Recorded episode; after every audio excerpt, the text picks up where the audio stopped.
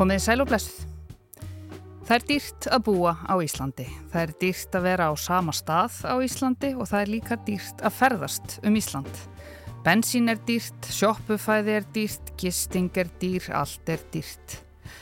En það sem er mjög dýrt er innanlandsflug og það hefur verið mjög dýrt mjög lengi.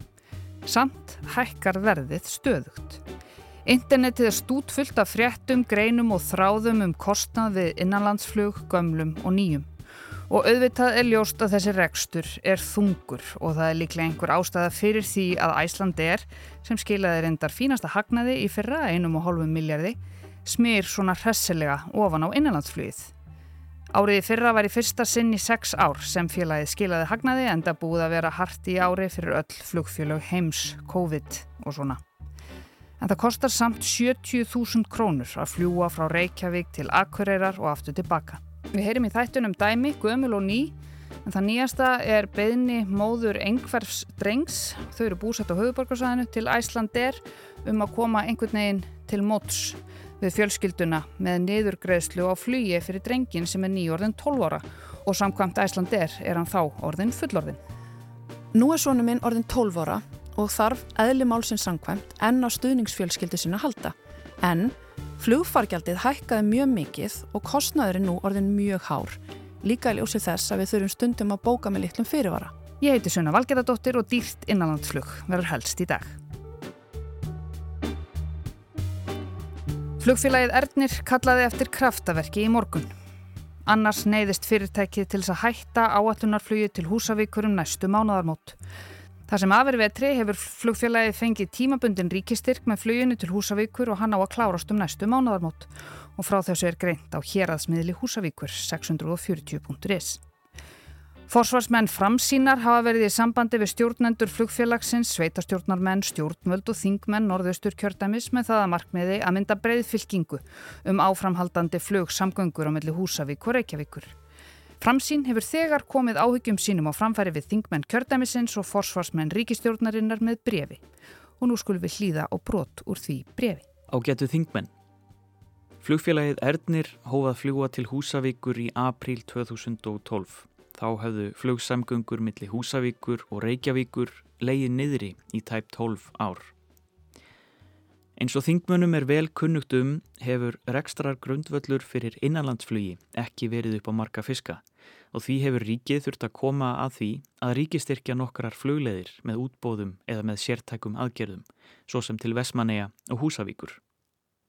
Styrkurinn til Húsavíkur kom til á síðasta ári þegar að núverandi eigendur flugfélagsins Erdnis gáfu út að þeir var að gefast upp á flugi til Húsavíkur nema tilkæmi ríkistöðningur á flugleðinni líkt og væri með annað áætlunaflug til smerri staða á Íslandi. Í kjölfarið kom vegagerðin að því tímabundið að styrkja flugleðina. Nú er svo komið að áætlunaflugi til Húsavíkur verður hætt um næstu mánaðamót, fáist ekki frekari stöðningur frá ríkinu. Farið svo að fluginu verði hætt. Þetta var reytað í lok síðustu viku og áviðum Húsavík sem er vissulega sæmilega stór þjættbíliskjarni og heimabær um 2200 manns.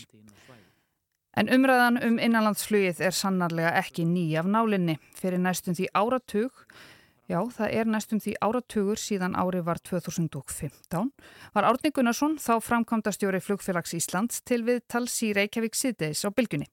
Hann var krafin svara við spurningunni af hverju er innanlandsflug svona dýrt? Það eru minni flugvilar að fljúa innanlands og meiri tíðni og það er ekki eins hagkant eins og að fljúa stærri vilum og, og með minni tíðni mm. þannig að það spilar ákveð inn í en en svona ef að menn bera þetta svona sangjant saman þá er það nú þannig að það er að jafna Þetta er dýrrekstur, skattar, gjöld, fáir farþegar, margir starfsmenn og það voru ennþá fimm ár í að stjórnvöld spiluðu fram þessu hérna. Já, í gerð kynnti samgangur á þeirra, Sigur Ingi Jóhansson verkefni Loftbrú sem gengur út á að niðugreða flugfargjöld til þeirra sem búið á landi.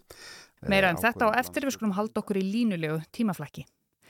Árið 2017 var haldið málþing á vegum samgönguröðunitisins, sveitarfélaga, atvinnuþróunarfélaga, byggðarstofnunar og fleiri hagsmuna aðila sem bar yfirskriftina innanlandsflug sem almenningssamgöngur.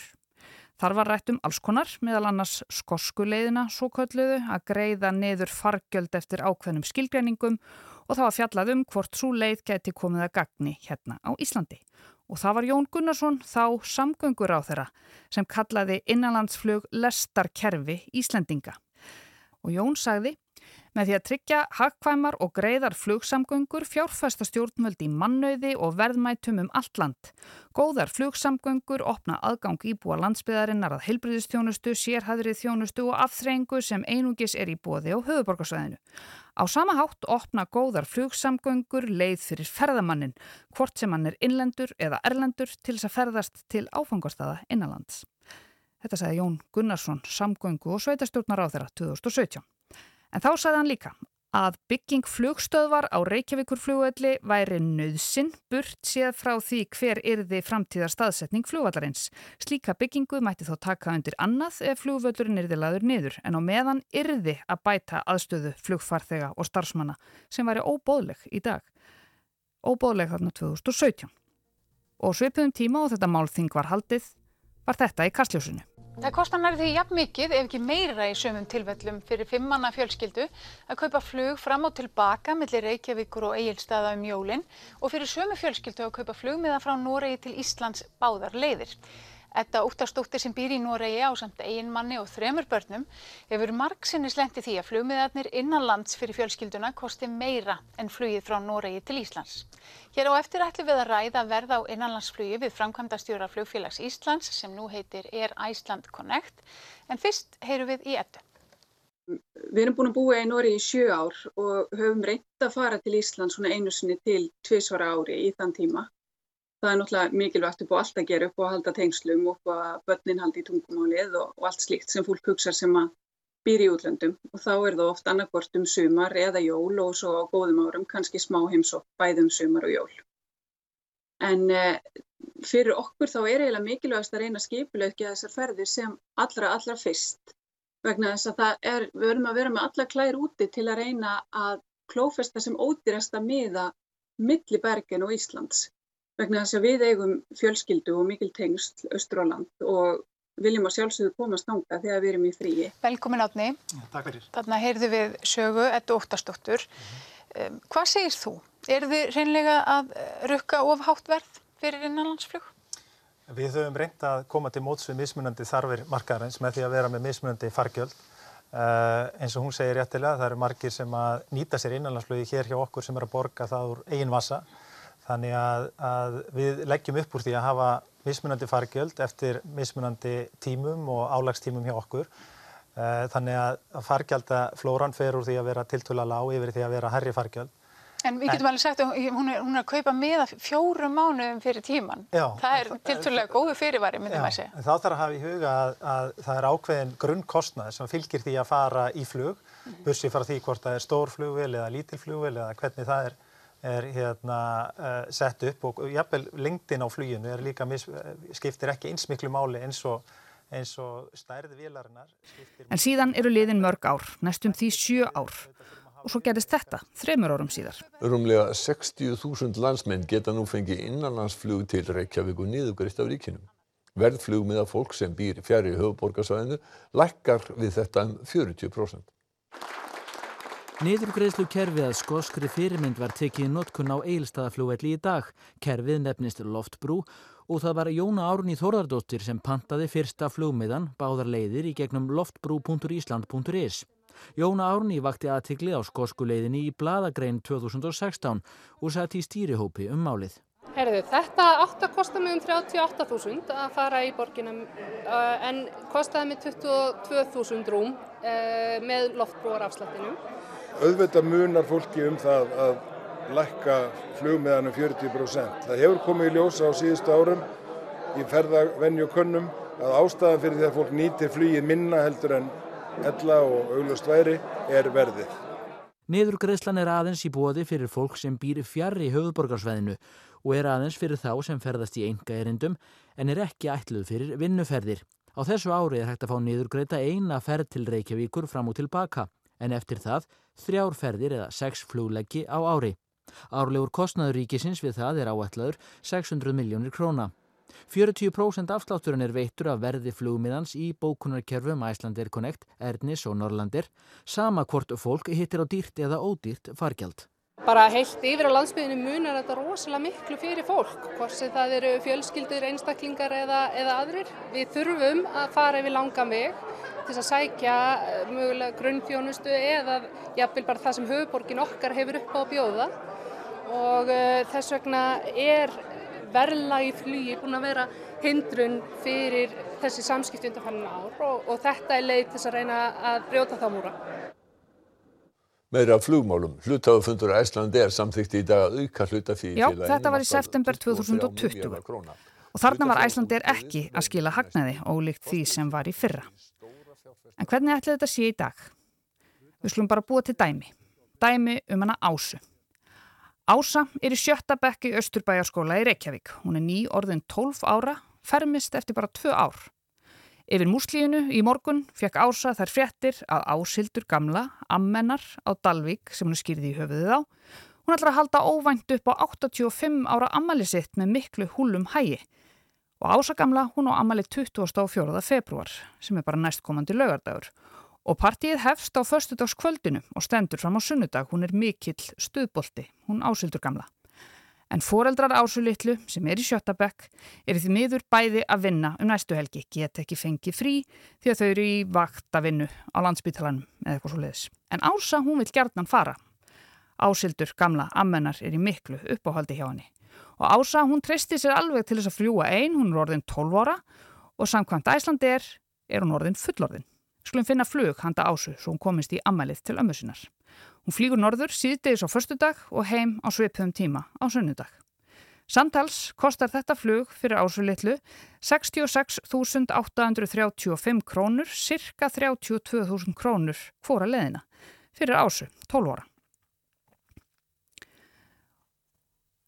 Og við þreytumst ekki að koma með þennan samanburð því að raunverulega fullorðin manneska, 18 ára eða eldri, ása eftir 6 ár sem sé, Frá förstu deginum til næsta sunnudags kæmist fram og tilbaka til London fyrir 21.000, til Dublin fyrir 22.000, Edinborgar fyrir 45.000, til Stockholms fyrir rúmar 60.000 krónur, til Kaupmannahafnar fyrir 39.000, til Helsingi fyrir 51.000 og svo framvegis. Og í þessu samhengi er verðt að vitna í grein Albertínu Friðbjarkar Eliastóttur, framkvæmda stjóra samtaka sveitarfélaga og atvinnu þróunar og Norðurlandi Istra, sín í november síðastlinum. Greinina skrifaði Albertína því tilefnið að breska lágjaldaflugfélagið EasyJet hóf áallunarflug til Akureyrar frá London Gatwick. Og Albertína fagnaði þessu eðlilega en bendi líka á eitt að með þessu flugi opnist tækifæri til að fljúa á ódýrari máta á milli Akureyrar og Reykjavíkur og öfugt. Þannig var til að mynda mögulegt að bóka flug nú á helginni þarna þegar Albertína skrifaði þetta í november frá Akureyri til Reykjavíkur aðra leið á 18.400 krónur með Æslandir en á rúmar 12.000 krónur með EasyJet. Vissulega með viðkomu í London en það getur nú bara gert ferðina skemmtilegri, segir Albertína. En hvað kosta aðrir samgöngumátar á milli Akureyrar og Reykjavíkur. Það eru auðvitað hægt að taka bara leigubíl, það er hægt að keira, rafmaks, dísel eða metanbíl, það er hægt að hjóla, það er hægt að lappa, það er hægt að keira á móturhjóli, það er hægt að taka rútu og bílaleigubíl. En ég valdi tvo aðra kosti og reiknaði lauslega, ég tók strætó og ég kerði bensínbíl.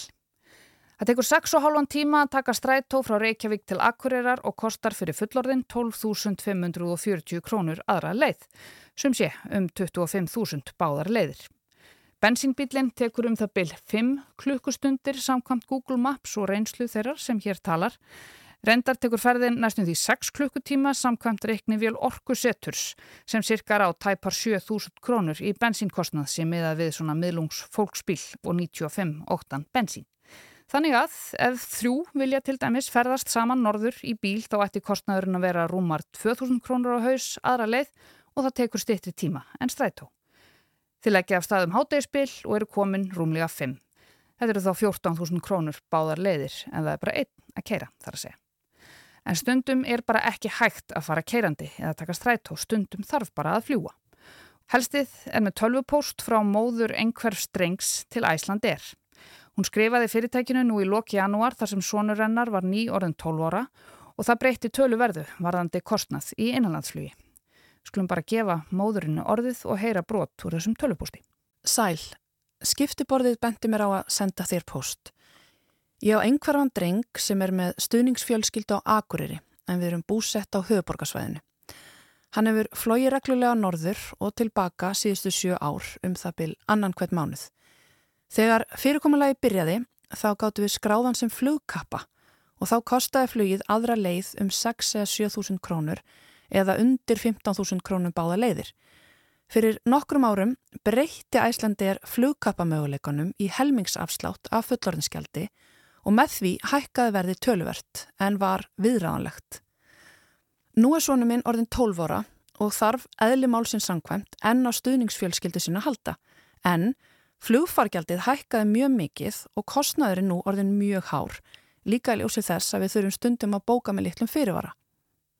Mér langaði aðtuga hvort Æslandir gæti komið til móts við okkur til að lækka þennan háa kostnað.